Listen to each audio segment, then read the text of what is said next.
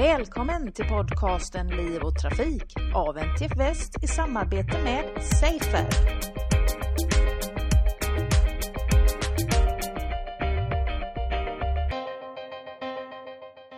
Idag träffar Liv och Trafik Safer-forskaren Christian Grante som är teknologidoktor och forskar vid AB Volvo och är associerad vid Chalmers. Välkommen till programmet. Tack så mycket. Eh, vi kommer prata om eh, tung trafik och säkerhetssystem. Eh, både för lastbilschauffören och för trafikanter som eh, kommer i närheten av lastbilarna. Du är ansvarig för en grupp som jobbar med förebyggande säkerhet på Safer och eh, jag undrar om du kan berätta vilka huvudområden är det som ni intresserar er för i den här gruppen?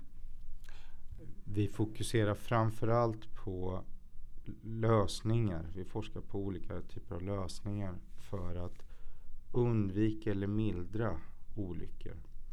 Och sen så forskar vi även på hur vi kan få förarna att undvika att hamna i en olycka.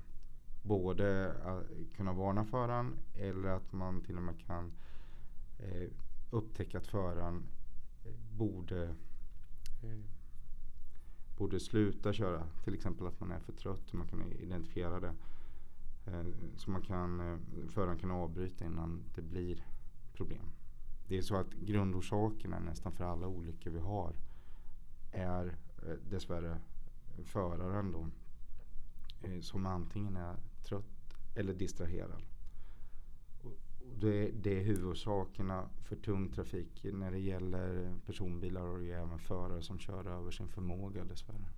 I lastbilarna och även långfärdsbussar. Där finns det varningssystem för att eh, bakifrån kollisioner när bussen eller lastbilen håller på att köra in i någon så varnar ett system. Och det finns även då automatisk bromsning om inte föraren själv bromsar så bromsar lastbilen eller bussen. Eh, I låga farter kan man helt undvika olyckan då i högre farter så mildrar man då eh, eh, våldet i olyckan ska man säga. Eh, genom att man sänker farten vid kollisionen. Sen har vi även andra, vi har he eh, helt automatiserade system. Som till exempel adaptiv farthållare. Där eh, lastbil, även fast det kan upplevas som ett komfortsystem. Att lastbilen följer eh, den fart som bilen eller lastbilen har framför så är det egentligen en automatisering av säkerhetsavståndet. Så att för, föraren får ett stöd av lastbilen eller bussen med att hålla säkerhetsavståndet. Det kan vi också se då i forskningen att det här eh, minskar antalet olyckor. Vi har även eh, system som går lateralt, alltså i påverkar hur man eh, styr på vägen. Att man, eh, vi varnar om man håller på att byta fil och det ligger någon i filen. Lastbilar har nämligen väldigt mycket sämre sikt än en personbil. Och då är sådana aktiva system värdefulla. Och vi har eh, system som hjälper till och varnar om man håller på att glida ur filen. De finns idag i lastbilar och i långfärdsbussar. Men en lastbilschaufför kan alltså inte upptäcka en cyklist eller en bilist som kommer för nära hytten på lastbilen? Det är svårt. Man har mycket sämre sikt än vanligt. Det finns väldigt många speglar på en lastbil för att man ska försöka. Men om man, man ska gärna prova att sätta sig i en lastbilshytt. Man ser mycket, mycket sämre än en personbil. Och hela bilar bredvid en lastbil kan försvinna i döda vinklar och sånt. Eh, du är ju involverad i ett flertal Safer-associerade projekt som, som arbetar för att utveckla de här systemen. Eh, branschen har kommit en bit på väg men det finns ju fortfarande mycket att göra. Så att, eh, jag tänkte be dig berätta om några av de här projekten. Ja, vi, vi driver, Safer driver tillsammans med sina parter. Safer är ju bygg, uppbyggt av ett antal parter. Eh, där jag eh, till vardags jobbar på AB Volvo. Eh, Volvo personvagnar, flera eh, universitet och forskningsinstitut och andra företag är med också. Och då driver vi projekt tillsammans i Safer-miljön. Och eh, exempel på sådana projekt är till exempel Non-Hit Car and Truck som eh, har jobbat mycket med till exempel där vi pratar om cyklister och lastbilar, även eh, personbilar, eh, olika system där. Men på lastbilarna har vi jobbat mycket med det så kallade oskyddade trafikanter. Där. vi avslutade förra året ett projekt som heter Interactive.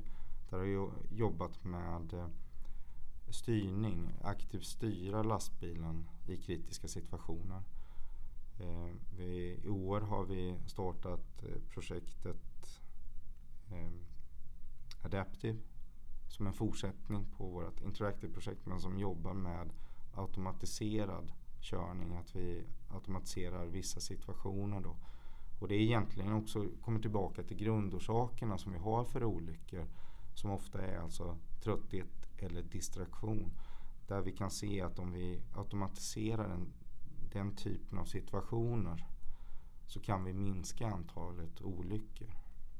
Sen så eh, utöver att vi minskar olyckorna och för, förebygger säkerhet så hjälper det ju även till för kommersiella fordon att bland annat minska miljöpåverkan. Vi kan eh, bygga system som drar mindre bränsle. Där har vi så kallat plutoningprojekt. Eh, Volvo har tillsammans med Volvo Cars haft ett projekt som heter Sartre som är avslutat för no sedan några år tillbaka där man visade upp plutoning som ett koncept.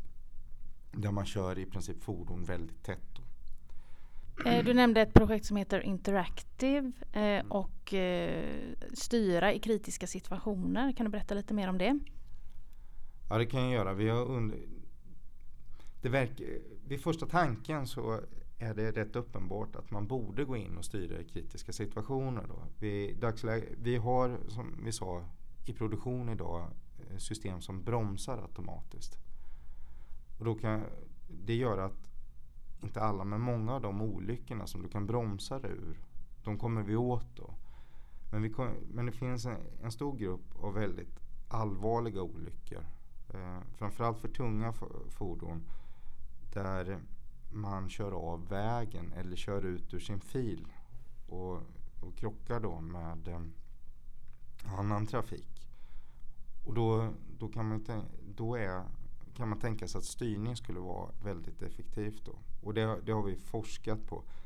Det, som, det visar sig inte vara helt enkelt att styra eftersom eh, eh, vi ofta får en motreaktion från föraren. Då, vilket gör att eh, det krävs väldigt mycket för att utforma den typen av ingrepp på ett bra sätt. De olyckor som eh, lastbilar vanligtvis är inblandade i, kan du säga någonting om det? Vad är det som skapar kritiska situationer? för lastbilschaufförerna? Det som är farligt för en lastbilschaufför, för lastbilen är stor och tung. Eh, det är framförallt när lastbilen välter eller när man krockar med en annan lastbil. Och de scenarierna, det är ofta, eh, det händer mest, ska jag säga, inte bara, men mest på stora raka vägar. Där man då antingen driftar av vägen och välter eller att man kan drifta in i annan fil. Men det är nästan, lastbilen driftar oftast av då. Och man har däremot problem med personbilar som kommer över i lastbilens fil. Då skadas inte lastbilschauffören men det är betydligt fler eh, i personbilar som skadas i kollisioner med tungtrafik än lastbilschaufförer som gör det. Sen, sen har lastbilarna när vi, det är egentligen ute på större vägar. Då. När vi kommer in i städer så har vi igen siktproblem i lastbilen. Och då är, är oskyddade trafikanter, alltså de som går och cyklar. Eh, där har vi olyckor med lastbilar i dagsläget. Typiskt när en lastbil eh, svänger höger att lastbilschauffören har väldigt, väldigt svårt att se om det kommer en cykel vid sidan om. Och cykeln kan till och med stanna för lastbilen men lastbilen sveper vilket gör att man kan ändå bli träffad av bakhjulen. Eh, där jobbar vi med system men självklart så är, är det väldigt bra att som cyklist eller gångtrafikant vara medveten om att man ska hålla extra säkerhetsavstånd till en lastbil. Mycket gott råd låter det som. Eh, jag funderar på att det är just de raka stora vägarna som lastbilschaufförerna kör av. Vad beror det på? Det vi kan se eh, från den forskning som vi gör det är att eh, när det är um, ehm, en kurvig väg så är en lastbilschaufför väldigt aktiv. Man, man, får jobba för att hålla sin lastbil på vägen. Och det gör att eh, om man, även om man skulle vara trött så blir man aktiv och man eh, halkar då inte ner på det som brukar kallas den latenta trötthetsnivån. Utan man upplever sig piggare än kroppen egentligen är. Men när det är en stor rak väg så blir det tråkigt i princip om man ramlar ner till, till den trötthetsnivå som kroppen egentligen känner. Och där kan man få den typen av olyckor. Det, det kan, det, man ska säga olyckor är sällsynta. Men när de händer har de ofta den typen av orsaker. Det kan också vara att man, kan tänka, man tror sig klara av att göra annat samtidigt för en sån rak och stor och fin väg. Vilket kan leda till att lastbilen driver i sidled och man får den här typen, får olyckor helt enkelt. Så det som egentligen borde vara en okomplicerad trafiksituation kan bli komplicerad just för att föraren bestämmer sig för att börja syssla med, med andra saker samtidigt? Så är det. Vi har eh, flest olyckor där föraren antingen är kraftigt understimulerad eller i väldigt komplexa situationer där man inte klarar av allt. I det här mellanspannet har vi inte så mycket olyckor. När jag körde på motorvägen häromdagen så såg jag en eh, lastbil som driftade lite åt sidan som du beskriver. Eh, och då funderar jag på, borde jag som medtrafikant på något sätt uppmärksamma den här föraren om att du kanske är på väg att somna? Ska jag, ska jag tuta på den här chauffören? Eller hur hade du agerat om du såg en lastbil som, där du tänkte här kanske föraren är på väg att, att somna till? Det är väldigt svårt att säga. Man ska säga, det är inte lätt att köra lastbil. En lastbil, lastbil framförs på ett helt annat sätt än en personbil. Ofta när vi ser att de driftar, då kan det vara till exempel sidvind. För en lastbil har ett stort vindfång och det kan göra. Det, det, när man kör lastbil så är det inte framhjulen man egentligen placerar i filen som man kan tro. Utan det är ju att se till att trailern också går rätt igenom. Och de har inte, släpet har alltså inte exakt samma spår som framhjulen. Så det kan vara väldigt svårt för dig som medtrafikant att veta vad det är som orsakar att lastbilen går, beter sig på det här sättet. Generellt ska man säga att våra professionella förare är bra på vad de håller på med och många har ett högt säkerhetstänkande. Eh, så jag kan, jag kan inte alls rekommendera att du ska gå in, in och agera ett sånt här skede. Det, det, är svårt att veta vad det är som ligger bakom att lastbilen driftar. Kanske bara ska öka avståndet, kan vara en god idé. Det kan vara en väldigt bra idé. För uppenbart så är om man, även om det är en sidvind som gör att lastbilen gungar lite fram och tillbaka så, så är det bra att ge den utrymme. Då.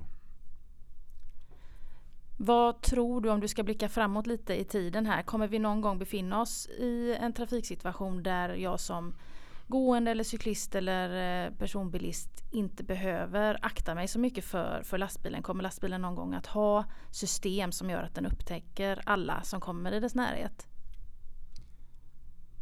Jag ser framför mig att vi kommer få system som kan hjälpa till att upptäcka dig. Men jag skulle aldrig våga chansa. Eh, lastbil är stor och tung. Och det är inte lastbilen som gör sig illa om det, om det går fel. Så det är bättre, alltid bättre att ge lastbilen utrymme. Även om vi får bättre system vilket kommer göra att vi har mindre olyckor. Men de här systemen de är inte till för att utmanas. De är till för att när allting annat har gått, snett så finns det alla, ytterligare en barriär som kan förhindra en olycka. Då får det bli slutordet från dig idag Christian. Stort tack för att du ville medverka i programmet. Tack. Det var allt från Liv och Trafik för denna gång. Jag heter Angela Elvård och tack för att ni har lyssnat.